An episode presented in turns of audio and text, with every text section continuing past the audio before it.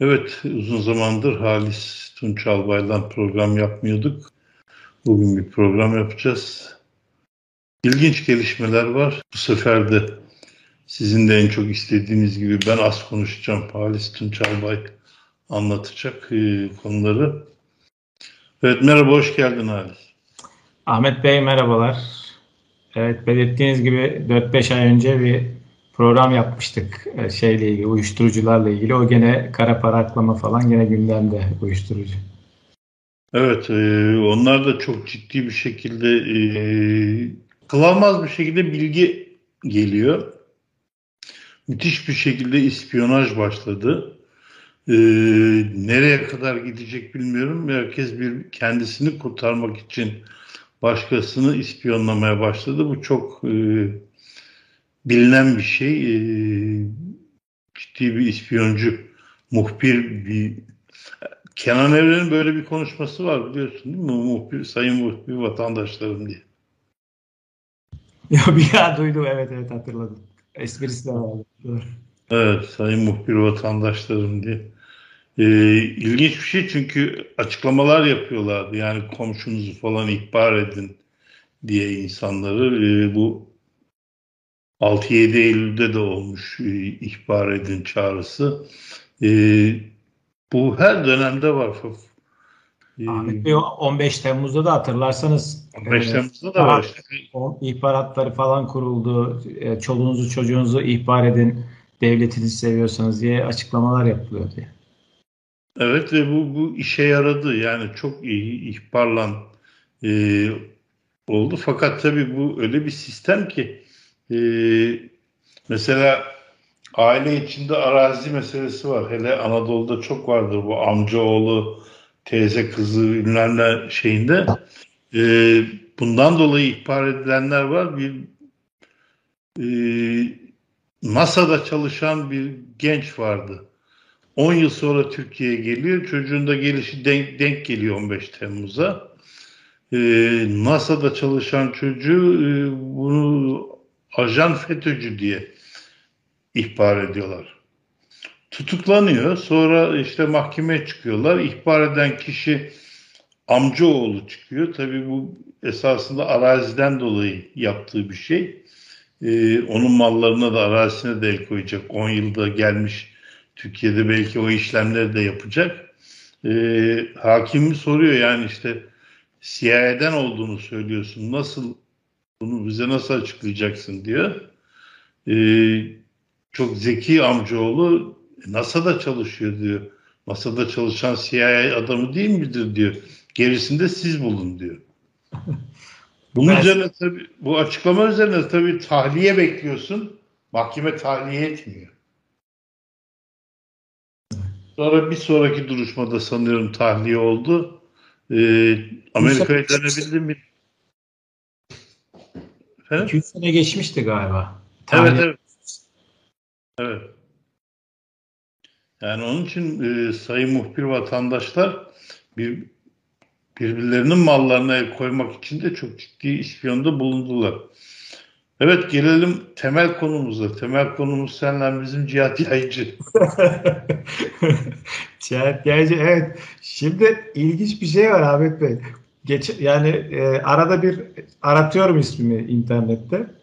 Ya her hafta Cihat Yaycı Akit'te, yok Yeni Şafak'ta, Aydınlık'ta beni anmadan geçiremiyor yani.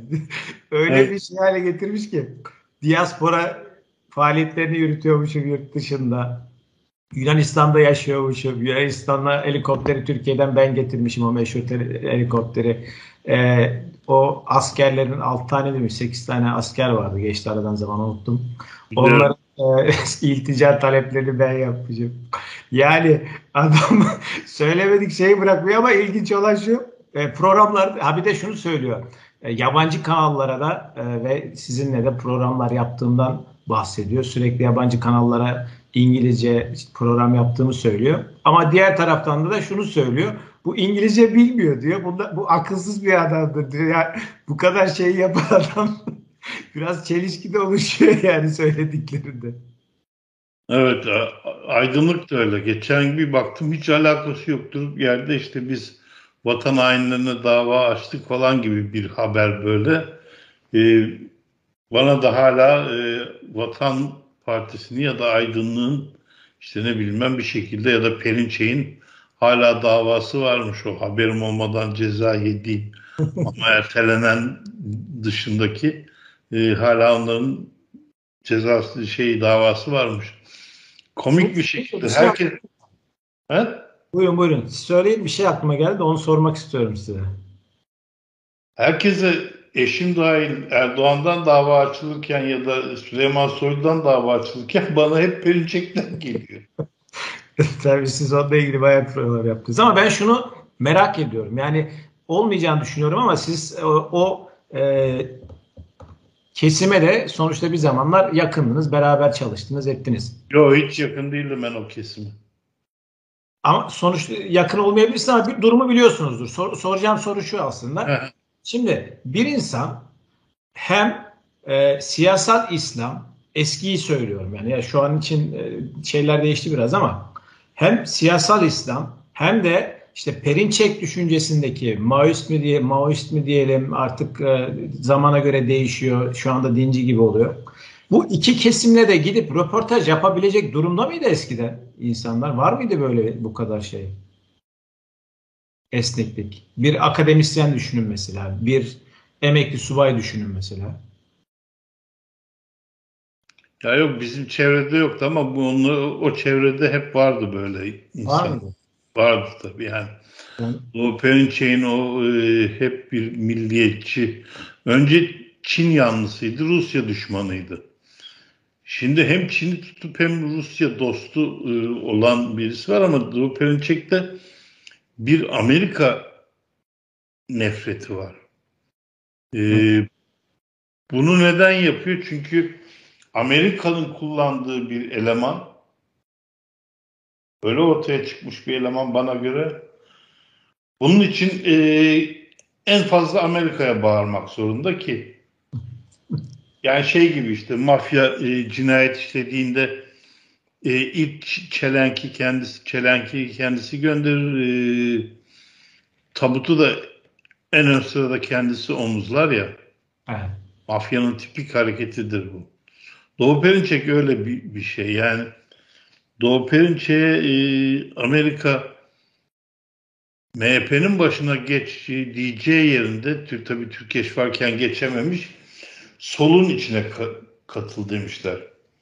Bu onun için çok büyük bir ızdırap tabii. Bir dönem solcuymuş gibi gözükmeye çalışmak, e, öyle bir bir takım şeyler e, öne sürmek çok büyük bir ızdırap. Bir yere kadar dayandı. Ondan sonra artık işte e, geldiği noktayı biliyoruz yani. Derin devletin ciddi bir elemanı, e, ciddi bir şekilde tutuklama listelerini hazırlayan kendisi bunu televizyonda 19 Temmuz sanıyorum ya da 20 Temmuz'da bir kanalda kendisi söylüyor. Zaten partinin e, ikinci başkanı ya da işte genel sekreteri neyse o bir askeriyenin şeyi istihbaratından emekli e, birisi. Personelden emekli birisi şey. Ki İsmail Hakkı Pekin de onlarla beraberdi biliyorsun. Sonra İsmail Hakkı Pekin dayanamadı yani. Tamam karşı tarafta e, har, özel harpin önemli adamı İsmail Hakkı Pekin ama gerçekten bunlardan zeki bir adam yani. Onun için o kadar saçmalığa dayanamayıp İsmail Hakkı Pekin ayrıldı bunlardan. Onun gibi ayrılan birkaç kişi daha var. Mesela şeye de öyle e, İlker Başbuğ da fuarlara getirdiler kitaplarını, imza standları, konuşmacı olarak falan filan. Sonra e, onun da bir konuşmasından dolayı çok ciddi e, ona da tavır aldılar. Neyse sen bana soru sordun, konuşturdun ben fırça yiyorum. Konuşma sırası bugün sende. Yani, yani gündem o kadar hızlı işliyor ki Ahmet Bey. Yani büyük evet ülkelere takıldık kaldık şimdi. Yani gelişmemiş ülkelerin kaderi bu aslında baktığı zaman. işte bir sorun çıktığı zaman, bir Türkiye'de yönetimde sıkıntı çıktığı zaman din, milliyetçilik bir de e, düşman sıralarına sarıldı mı olay bitiyor. Yani biliyorsunuz Erdoğan işte bizi onların doları varsa bizim Allah'ımız var diyordu. Süleyman Soylu çıktı. Şimdi dedi ki onların ekonomisi iyiyse bizim ahlakımız var diyor. O ahlak evet, bizim ahlakımız vardı. Sadat çıktı ortaya. Sadat çıktı diyor ki bizim Libya'da işte Suriye bir de nerede Azerbaycan'da şeyimiz yok bir ilişkimiz yok diye açıklama yaptı bir Fransız kanalına yazılı olarak. Ama adamların internet sitesine girip baktığınızda faaliyet alanları tam da buralar gözüküyor. İşaretlemişler yeşille yani. Çok e, garip şeyler oluyor. Bloomberg biliyorsunuz şey yaptı. E, Central Bank of Erdoğan diye bir şey yazdı. E, paylaşımda bulundu. Ekonomi göçüyor. İşte Merkez Bankası dağılmış durumda. Türkiye gri listeye alındı bu kara para ve uyuşturucu kaçakçılığı kapsamında. Hatırlar mısınız bilmiyorum. Sizinle bir program yapmıştık. Bu Aksas Holding'in gemisi biliyorsunuz e, Doğu Akdeniz'de yakalandığında e, Bilal Erdoğan'ın gemilerine bahsetmiştik. Onlar e, pay kapması ile ilgili bahsetmiştik. Kara para şey uyuşturucu kaçakçılığı konusuna değinmiştik. Yani e, sanki bunların hepsi e, gündeme geliyor gibi, gerçekleşiyor gibi bir e, durum ortaya çıkıyor gibi geliyor. En son hemen işte... hemen ne, ne konuştuysak hem seninle hem e, Hüseyin Albay'la hem de üçümüz beraber bu son dönemlerde ne konuştuysak konuştuklarımızın ihbarları yapılmaya başlandı farkında mısın? Evet, evet. Bizim anlattıklarımızın ihbarları yani Sadat'la konuştuk. Şey işte e, o general emekli edildiğinde geçen sene şaşırmıştık nasıl emekli ettiler bunu diye. E, o başçavuştan öbür generalin öldürülmesindeki aksakallı. Evet.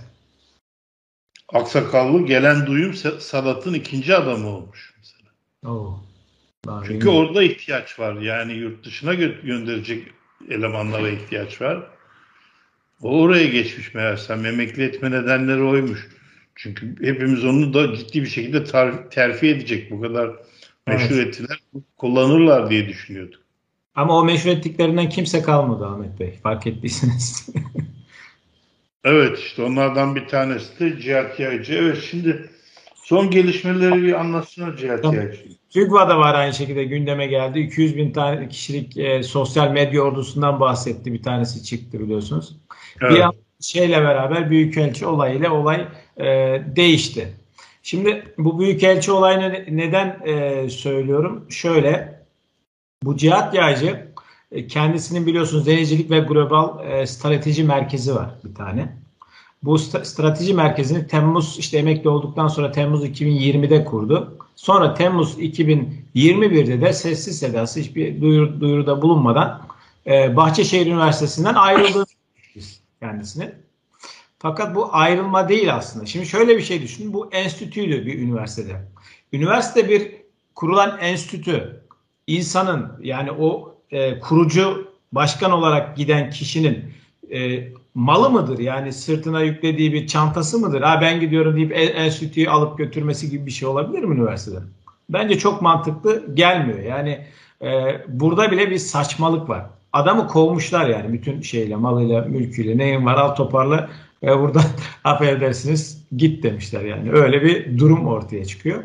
Bu gene bu 10 tane Büyükelçi ile ilgili açıklama yazdı. yazdı. Bir tane e, kampanya başlattı. Kampanyada büyük 10 tane büyükelçi yurt dışına gönderilsin. Yani e, persona non grata ilan edilip istenmeyen adam ilan edilerek yurt dışına gönderilsin diye, ülkeden gönderilsin diye. Bu adam Moskova'da 2014 e, yılına kadar ateşelik amiral olarak en üst seviyede askeri temsilci olarak dünyada e, görev yapmış kişilerden bir tanesi. Amiral 3-4 yerde vardır. Amerika'da orada bir de e, nerede vardı şu anda hatırlayamadım. Bir yerde daha var. Ya bir ülkenin 40 sene ekmeğini yemiş bir insan bundan daha bir büyük bir kötülük yapabilir mi? Yani bu 10 tane e, şeyin büyükelçinin buradan gitmesi ne anlama geliyor? O ülkeler Türkiye'den büyükelçilerini çekmesi anlamına geliyor. Ülkelerle şu anda te, yani Avrupa ile e, bütün bağın koparılması anlamına geliyor. Bunu yapabilecek yani aklı selim bir insan olabilir, bir tanesi Erdoğan. Kendi kişisel çıkarlar için kullanıyor. Bu da kendi çıkarları için kullanıyor. İkisinin de amacı aynı. Çünkü Türkiye'de demokratik bir süreç başladığında hem bunun hem de Erdoğan için sorun ol- olacak. İşte biraz sonra anlatacağım süreçte bunlarla, e, bu gelişmelerle alakalı bir şey. E, daha sonra da bu gelişmeleri e, neden olduğunu size paylaşacağım. Şimdi şöyle, bu Cihat Yağcı biliyorsunuz 16 Mayıs'tı galiba ya da 15 Mayıs'tı hatırlamıyorum. E, tayin edildi genel kurmaya. 18 Mayıs 2020'de de şeye gitti. E, kendisi istifa etti. Evet. Şimdi istifa ettikten sonra daha yeni taze istifa ettiği için yani siz de bir yerden tayin olduğunuz zaman, emekli olduğunuz zaman orada sizin altınızdaki insanlarla iyi ilişkileriniz devam eder. Saygı, e, sevgi çerçevesinde devam eder. Ama ben kimsenin bunu sevdiğini düşünmüyorum zaten de. Ama e, gene devam eder. Bir de havası var biliyorsunuz. Türker Ertürk'ün e, dediği gibi e, Erdoğan'a tek başına randevusuz çıkan tek subay diye bir şeyi vardı, açıklaması vardı. Öyle bir havası vardı. Esti, kestiği kestik bir imajı vardı. İnsanları istediği gibi suç olup olmaması önemli değil, e, ihraç edebilecek bir kudrete sahip görüldüğü için insanlar korkuyordu. Ve medyada da bir etki alanı vardı. Çünkü kullanmışlardı bunu, kullanmaya da devam ediyorlar. Şimdi bu emekli olduktan sonra gene bu ilişkileri bağlamında işte e, denizdeki bu Yunanistan'la olan ilişkiler, denizdeki faaliyetler. Çünkü deniz kuvvetlerinde ben o işi yaptığım için oradaki bütün faaliyetler takip edilir. Yunan medyası da takip edilir. Buradan güncel durumu takip edersiniz. Kendi akademik olarak söylediği e, kariyerini de devam ettirebilmek için bu bilgiler gerçekten çok e, faydalı alıyordu da. Ayrıca e, sürekli olarak ihraçlar konusunda da gene e, deniz kuvvetlerinden bilgi alıyor e, şeyden. Deniz kuvvetleri istihbaratta ya da personel e, başkanlığından bu bilgileri alıyor. Çünkü personel başkanlığına getirdiği amiral de e, Nihat Baran da kendisinin bizzat seçip oraya oturttuğu kişi. Bu ihraçlar or oranın üzerinden devam ediyor. Şimdi Cihat Yağcı tabii e, belli bir süre sonra tarihini tam hatırlamıyorum ama 2-3 ay sonra televizyon kanallarına çıkıp işte hem Yunanistan'la ilgili tam sorunları anlatıyor. Saçma sapan anlatsam da çok önemli değil. İnsanların tepkisini çekmiyor. Ama e, ihraçlara konu bu fetümetrenin saçma sapan üçüncü kişiyle alakalı ya da kişilerin kariyeriyle alakalı olan konulardan dolayı, başarılarından dolayı ihraç edilmesi gibi hususlara vurgu yapınca toplumda bir tepki oluşmaya, soru işaretleri oluşmaya başlıyor. Bundan dolayı da bir şey mi dediniz? Hayır demedim ben. Şimdi kedim, bundan sonra da kedim evin içinde erkek arıyordu. Bütün yavruları gidince erkek aramaya başlıyor bundan. Bu te gelen tepkiler üzerinde de tabii Deniz Kuvvetleri bunlar rahatsız oluyor ve e, Adnan Özbal, Oramiral, Deniz Kuvvetleri Komutanı bütün e, dört tane amir, amirali, kendisinden kıdemli amirali e, şey yapıp tasfiye edip e, oramiral olan 5 senedir de tarihte ilk defa oramirallik yapan e, Adnan Özbal bu olaydan rahatsız olmaya başlıyor ve kendisine haber gönderiyor. Diyor ki bu uygulama e, nedeniyle zaten e, deniz kuvvetleri zor durumda şu anda gelinen durum itibariyle. Yani e, kendisinin emekliğinden sonra da bir, birkaç örnek vereceğim zaten size somut veriyle bu konuyla ilgili. Cihat Yağcı'nın emekliğinden sonra e, savcılar da değişiyor biliyorsunuz o süreçte Ankara, İstanbul evet. falan. Ya da başka illerdeki tam neresi şu anda hatırlamıyorum. Bunlardan ve mahkemelerden de bilgi talebi yapılırken e, bazı belgeler, belgeler belgelerden dolayı uygulamalardan dolayı ihraçlar sırasında rahatsızlık olduğunu ve bunların izah hukuki izahının olmaz, olmadığı için bu konuda tavsiye niteliğinde saygı olsun diye ama bir uyarı şeklinde e, bilgi gidiyor deniz kuvvetlerine ve kendisine diyor ki işte biraz e, bu konulara değinmesin akademik alanında faaliyetlerine devam etsin. Şimdi bu olay olduktan sonra aradan bir zaman geçiyor tabi. E, Cihat Yaycı e, deniz kuvvetlerini arıyor. Deniz kuvvetlerini e, arayıp diyor ki ya benimle ilgili bir rahatsızlık mı var diyor e, deniz kuvvetlerinde. Çünkü uzun bir süre iletişim artık kopuk ilerlemeye başlıyor. Deniz kuvvetleri de orada bulunan en yakın kişi kim? Beraber çalıştı. Nihat Baran dediğim amiral. Onu arıyor ve ona diyor ki ya bir durum mu var diyor. Çünkü duyum alıyor. Başkalarıyla da irtibatı demek ki devam ediyor oradan. O da diyor ki komutanım benim e, konuyla ilgili bir bilgim yok diyor. E, ama varsa bir durum bana söylerseniz bunu şey araştırabilirim falan. E tabi Cihat Yağcı da kaçın kurası. O amiralin haberi yoksa kimden öğrenecek? Öğrenecek bir şey yok. E, anlıyor. Yani paylaş zaten paylaşılmaz. Bir şey varsa da emekli biriyle kendisiyle ilgili bir durum varsa paylaşılmaz zaten kuvvette. Bundan dolayı da e, işte havadan sudan konuşup e, şeyi kapatıyorlar. Daha sonra e, Nihat Baran e, telefonu kapattıktan sonra e, 2020 Ekim'inde Tuamiral Yalçın Özkütük. Bu da e, Deniz Kuvvetleri İstihbarat Başkanı. E, Cihat Yaycı'nın yerine atanan Koramiral Aydın Şirin'e gidiyor. Onun amiri olduğu için ona gidiyor normal olarak ve bir teklifte bulunuyor. Diyor ki ya işte e, zaten atılanlar atılmış edilmiş artık yani atılacaksa da e, istihbarat bünyesinde bu işi yürütebiliriz düşüncesiyle anladığım kadarıyla. E, FETÖ-METRE'nin e, yürütüldüğü adli takip, inceleme ve idari işlem şube, ATİ şube meşhur ismiyle kapatalım diyor. Bu işin sonunun gelecekte iyi görünmediği yönünde kendisinin endişelerini gündeme getiriyor.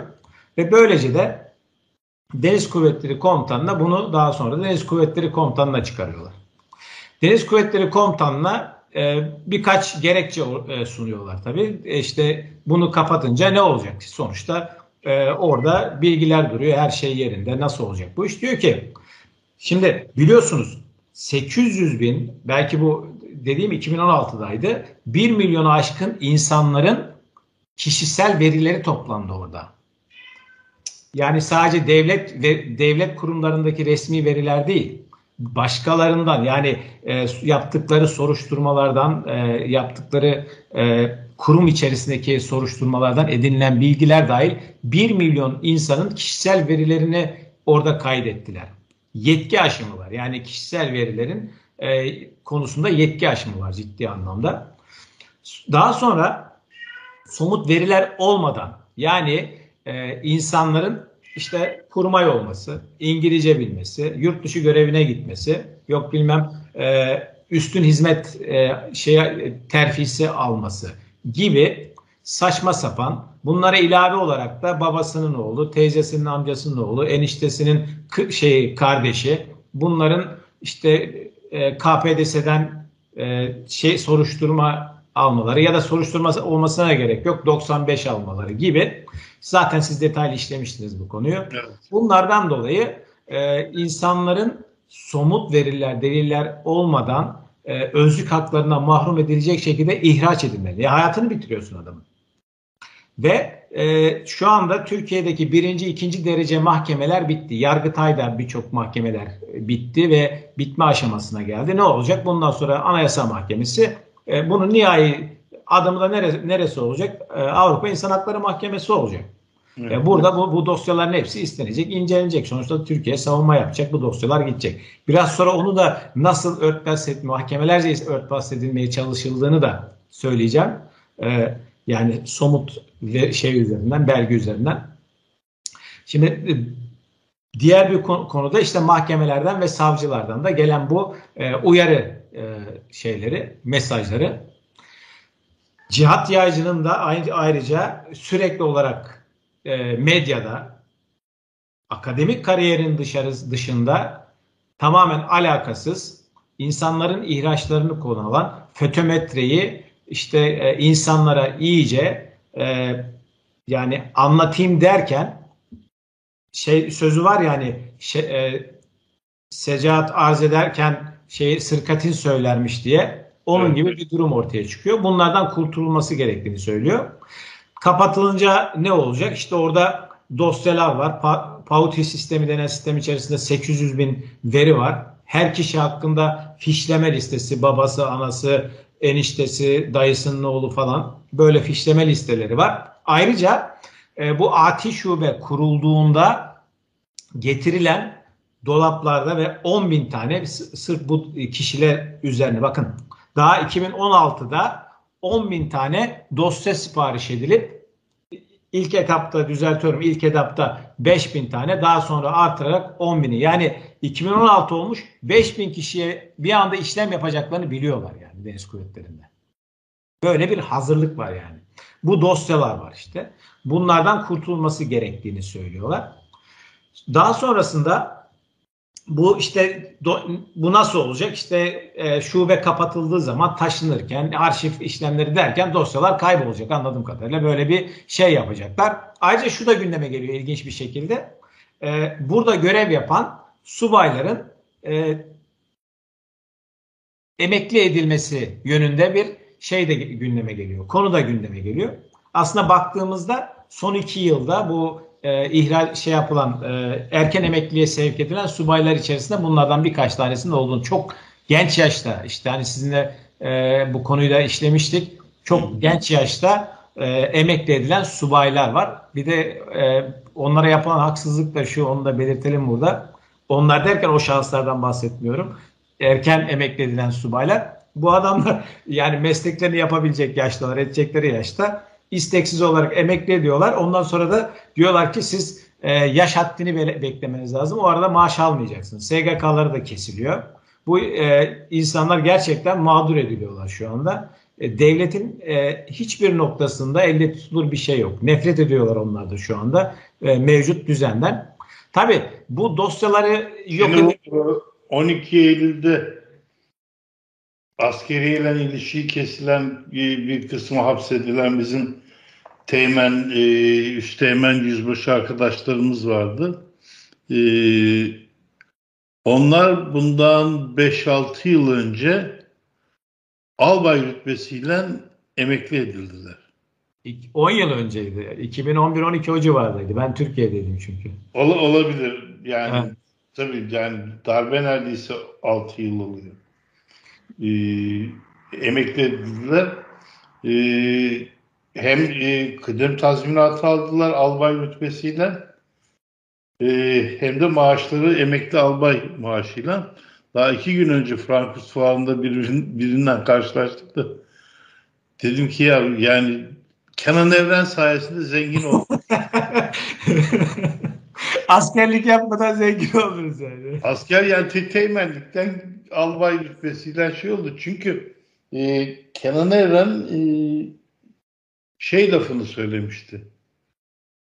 Ya garsondan aynı maaşı alıyor gibi bir laf söylemişti. Bir bakmış ki askerler e, maaş çok düşük. O yani Türkiye ortamına göre birdenbire maaşları yükselten Kenan Evren olmuştu. Onu daha sonra e, gene 2000 kaçtı? 2000 o daha erken oldu. 2007'lerde falan bu irticadan atılan e, subay az subaylara da aynı şekilde şey o hakkı vermişlerdi. Evet. Şimdi bunlar emekli yani şey, şey alıyordur o zaman. E, Sadat'ın başındaki. Adnan.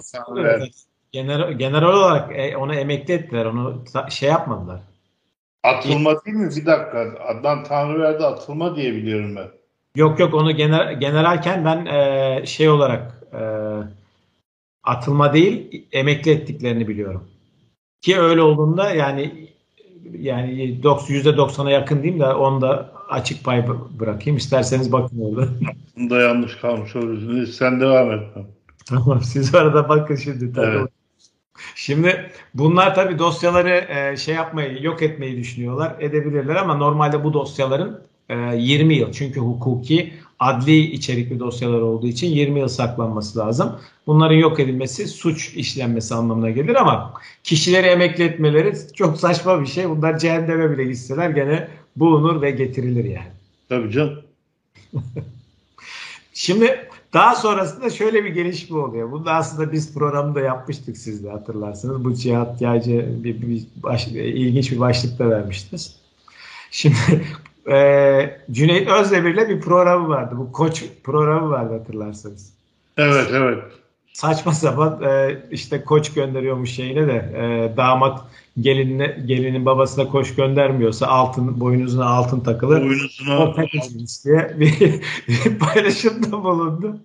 Yani bu milyonlarca insan izledi. Çok büyük tepki toplumda çekti. Aydın Kesin de bununla beraber biraz olayın ciddiyetinin farkına vardı. Yani ciddiyetsizliğin diyelim. Farkına vardı.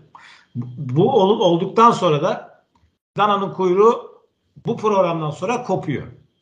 Ve Cihat Yağcı tabi olaylardan habersiz şöyle yapıyor. E, deniz kuvvetlerini arıyor gene ve deniz kuvvetleri diyor ki ya diyor bu işte e, toplumdan böyle toplumdan tabi açıklama şeklinde bilmiyorum ama böyle bir program yaptık. Burada FETÖ'nü FETÖ beni desteklemeniz lazım diyor. Bunun için de Milli Savunma Bakanlığı'nı şey yaparak e, aracı yaparak diyor şey yapın diyor. E, bir destekli bu FETÖ anlatan bir şey yapın. E, yayın yapın ya da e, bir bildiri yayınlayın gibi bir şey teklif ediyor. Bu da bir şube müdürü tabii. Albay, yarbay artık neyse bilemiyorum. Ee, gene Deniz Kuvvetleri Komutanı Özbal'a götürüyor. Tabii bunu giderken kendi daire başkanı, kurmay başkanı o şekilde çıkar. O işleyiş o şekilde. Özbal e, bunu duyuyor zaten e, yani olay iyice sarpa sarmış. E, şeyi bu subayı kovuyor odasından arkasından da e, yani baya bir küfrederek kovuyor. Bu şube müdürü de e, ortalıkta konuşmaya başlıyor. İşte e, Cihat Yaycı'ya işte o çay çocuğu falan e, başımızı yakacak diye e, bu şekilde e, konuşmaya başlıyor. Sonrasında sonrasında ne oluyor? Sonrasında da e, işte şu anda FETÖ yani şey tekrardan çağırıyor şeyi e, bu ilk AT şubeyi kapatalım teklifini götüren e, komutanları tekrar çağırıyor e, Özbal ve soruyor işte ne oldu o iş diye e, soruyor. E, muhtemelen şu anda işte bu AT şube işlem yapılan şube e, ya kapatıldı ya da e, ele kulağında kapatılması düşünülüyor. Aslında bununla ilgili ben e, Cihat Yaycı e, istifa ettiğinde, istifa ettiğinde değil aslında 18'inde istifa etmişti. Ben bakıyorum 16'sında bir video yayınlamıştım kendim çekip ve savcıları da etiketleyerek uyarıda bulunmuştum. Demiştim ki e, bu fetometre kartları kişilerle ilgili milyonlar milyona yakın insanın paytü sisteminde yer verilen kişisel verileri ve ayrıca 10 bine yakın dosya e, koruma güvence altına alınmalı. Çünkü bunların yok edilme riski var diye uyarıda bulunmuştum. Onu da tekrardan burada e, bulunmak istiyorum. E, aslında bir konu daha var. E, Cihat Yaycı ile ilgili.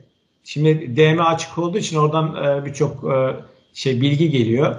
E, ne kadar doğrudur, ne kadar yanlıştır bilmiyorum ama şey, konuşabiliriz diye arzu ediyorsanız. Tabii tabii buyur. Devam et. Bu arada Tanrıverdi emek, kadrosuzluktan emekli edilmiş. Evet. Benim aklımda yanlış kalmış ama bildiğim şu e, yani din kisvesi altında emekli edilen en yüksek rütbeli komutan diyebilirim.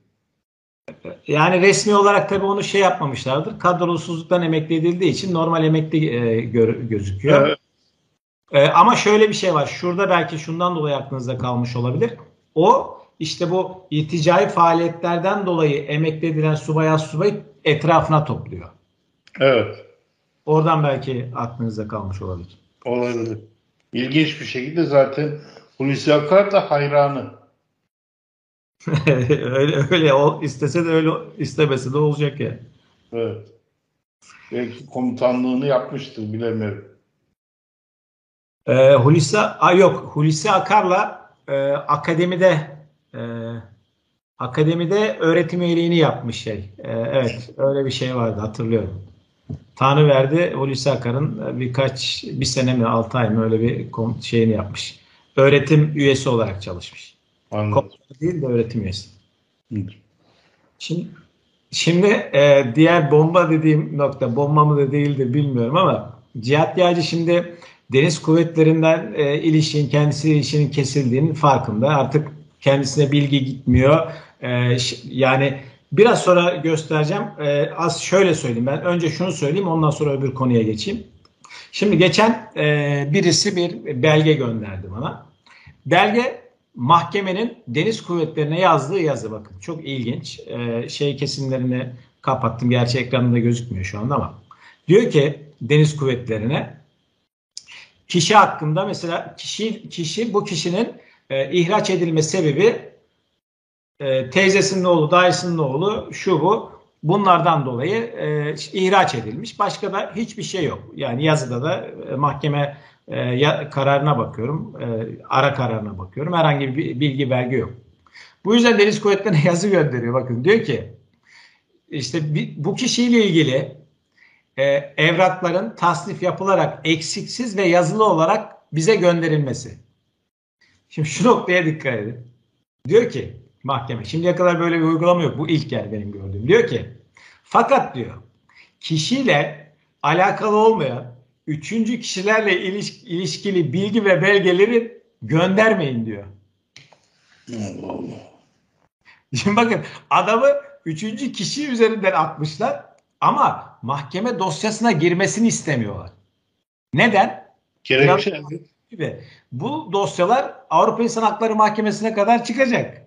E şimdi onu görünce ne diyecek bu insanlar? Üçüncü kişiden dolayı ihraç ettik biz bunu. Evet. Böyle bir şey olabilir mi?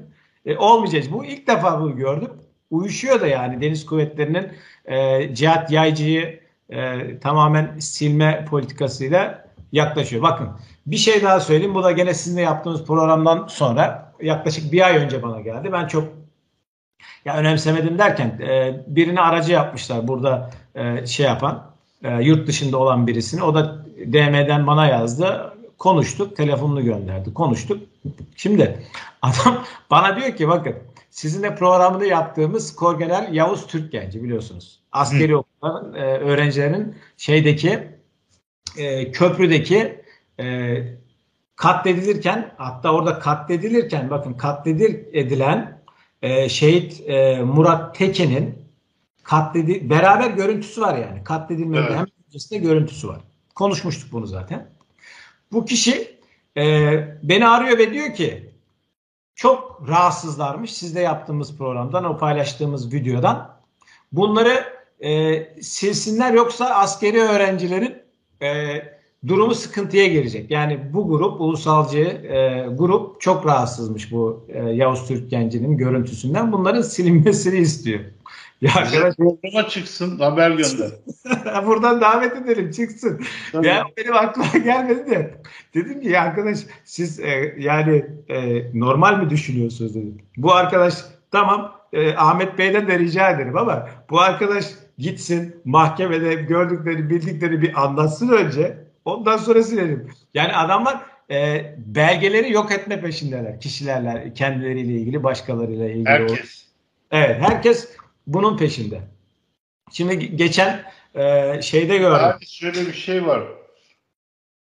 Bu kesim iktidara geldiği zaman hangi rütbede olursa olsun e, o dönemin hiç bitmeyeceğini zannediyor ve bütün o e, artan faşistlik, artan işkence yapmalar falan böyle başlıyor. Sonra e, yani sonuçta insan o da yani. Böyle kendiyle baş başa kaldığında, belki eve geldiğinde çocuklarının yüzüne baktığında, eşine sarıldığında bir kendi kendinden kalıp da hesaplaşma vardır ya insanın kendisiyle hesaplaşması. Evet. İşte orada bu sefer kendine işkence başlıyor. Onun altından kalkmak hiç kolay bir şey değil. Özellikle emeklilikten sonra zannediyorum. Çünkü Tabii. insanlar boşa düşüyorlar ve e, geçmiş hayatları e, ön plana gelmeye başlıyor. Hesaplamaya Ali, başlıyor. Ali Türkşen şimdi televizyonlara çıkmış. Sadat'ın Tanrıverdi'nin ne kadar hain olduğunu anlatıyor. e, Ali Türkçen de Cihat Yaycı'nın iki, ikinci versiyonu. Cihat Yaycı cesur bir adam değildir. E, çok şeydir, arka planda iş çeviren bir, bir e, karakteri vardır. Ama e, Ali Türkçen cesur ama deli ces- cesareti olan birisidir. Önünü, arkasını, hukuku, adaleti düşünmeden e, hareket eden birisi. İkisi de benzer karakterde suç işlemeye Evet. yatkın kişiler yani. Evet. Şimdi üçüncü bir örnekte şöyle. Bunu e, Hüseyin Albay'ın Twitter'ında gördüm. Dikkat çekici baya. e, polis akademisinde bu akademisyenlerin, savcıların e, bir araya geldiği 2017 Ekim ayında bir e, şey yapılıyor. Yeni nesil terör FETÖ'nün analizi diye bir şey yaptı, e, bir e, çalıştay yapıyorlar ve bunu da bir döküman olarak yayınlıyorlar. 47 sayfalık bir döküman olarak yayınlıyorlar. Burada ne geçiyor?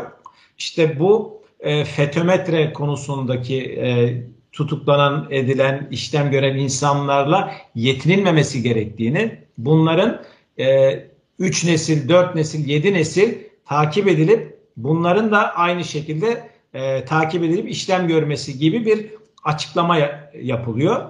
Ekim 2017'de önemli olan nokta şu yapılan bu işte biraz önce belirttiğiniz gibi bu dönem hiç bitmeyecekmiş gibi gör, e, düşündükleri dönemde bütün katılımcıların savcısı, akademisyeni e, yani polis polis e, teşkilatından bütün şeylerin profesörü yani her tür insan var gazetecisi isimleri tek tek sıralanmış.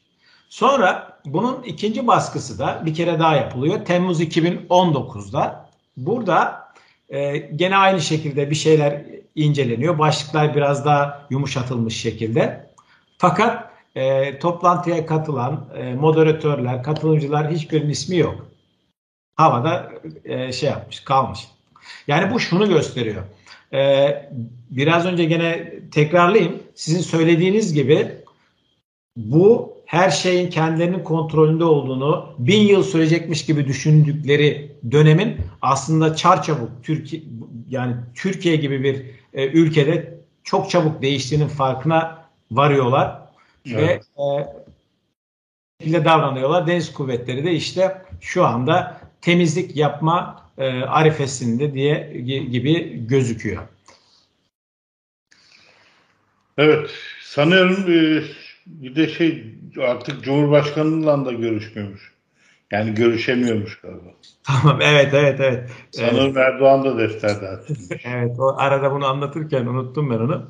Şimdi e, deniz kuvvetlerinden hiçbir şey gelmeyince bu sefer e, biliyorsunuz Türkiye başta söyledim galiba Türker Ertürk'ün işte tek başına şeye çıkan e, Erdoğan'a çıkıp e, randevusuz çıkan subayken şu anda kendisine randevu verilmiyormuş. Ha bu arada Türker Ertürk bu Atatürk Düşünce Derneği'nin şeyi e, başkanı için aday olduğunda bunun aleyhine bir kampanya başlattılar.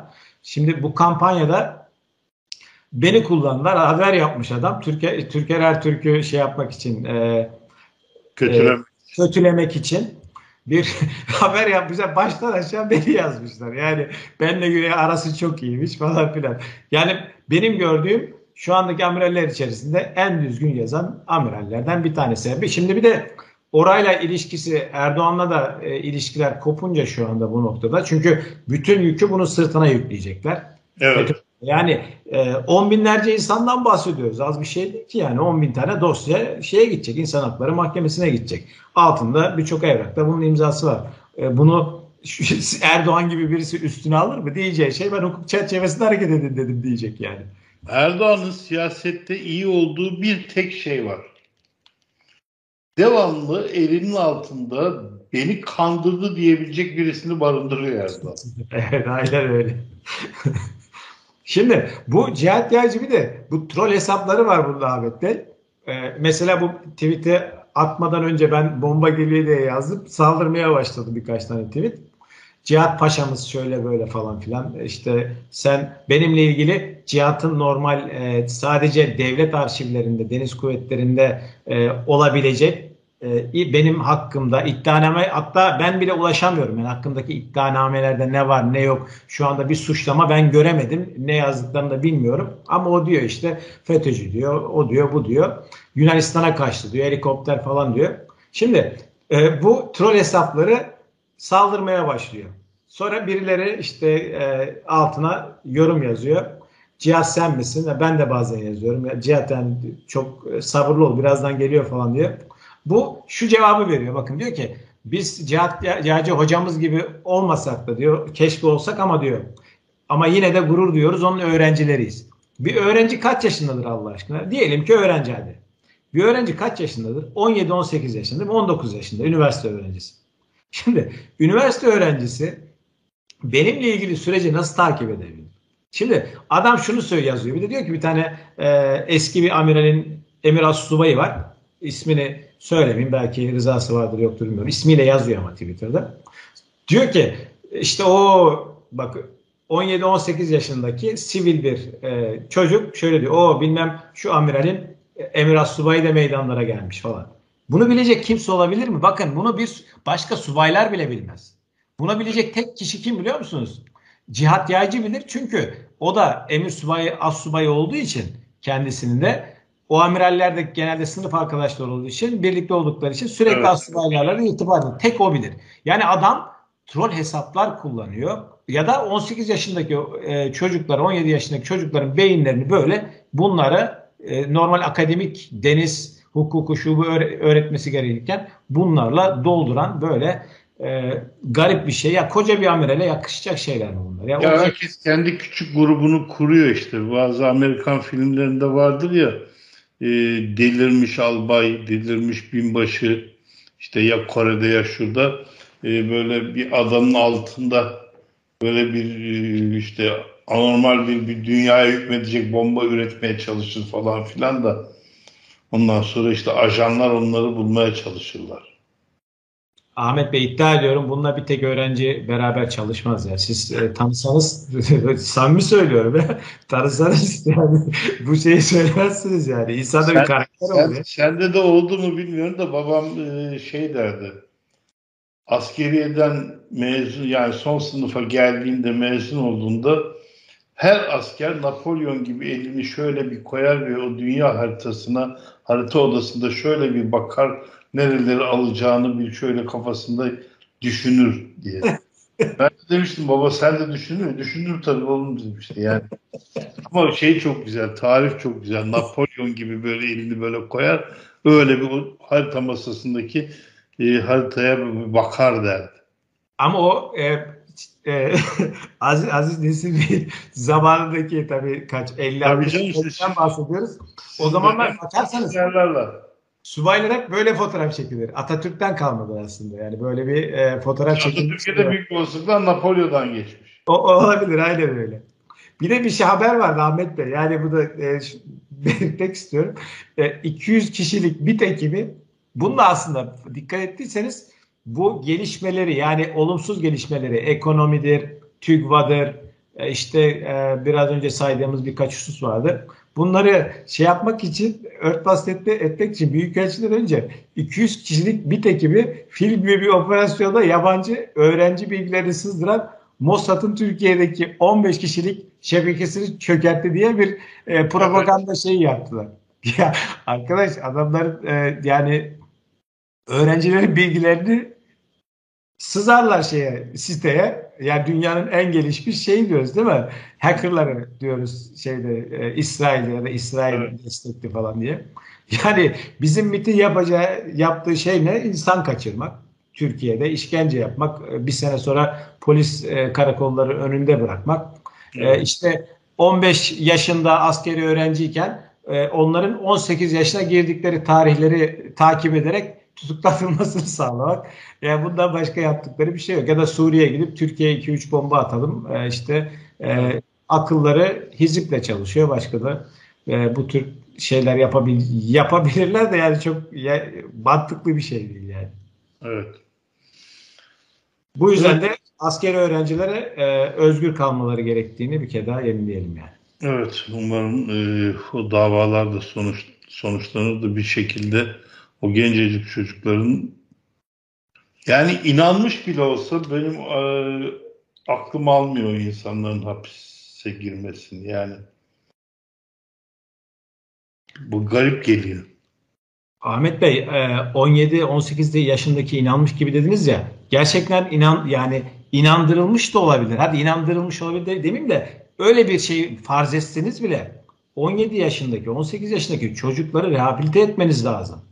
Siz bu çocukları içeri koyduğunuz zaman devlete, ülkeye düşman yetiştirmek gibi bir amaç hayal edilmiş demektir bu ülke yani. Böyle saçma sapan bir ülke olabilir mi? Şimdi yasal yasal olarak var zaten. Örgüt üyesi, üyeliğiyle sempatizanlık e, aynı e, mantıktan yargılanmıyor. Evet. Sempatizan apayrı bir şey çünkü. Evet Halis Albay çok teşekkür ederim e, program yaptığımızda. Dediğim gibi baştan da konuştuk. Arayı bu kadar açmayalım. E, gerçi konuşmak için Cihat Yaycı mutlaka gene bir şeyler yapar. Bize cevaplar da belki hazırlar. Tabii televizyonlara çıkartıyorlar mı artık bilmiyorum da. E, bir sürü insanın e, ayağı kesildi televizyondan. Evet çok teşekkür ederim program için. Ee, şeye ekrana bakıyorum da Ahmet Bey yani bayağı bir ara vermişiz. Çünkü gözlerimin şuraları e, kırışmış benim yani. Bayağı bir zaman geçmiş. Yaşlandık, yaşlandık. Yani illa söyleyeceksin değil mi? Daha büyüğüm diye. Ben teşekkür ederim Ahmet Bey. Çok zevkli bir program. Sağ olun. Evet, bir programın daha sonuna geldik. Bir dahaki programda görüşmek üzere.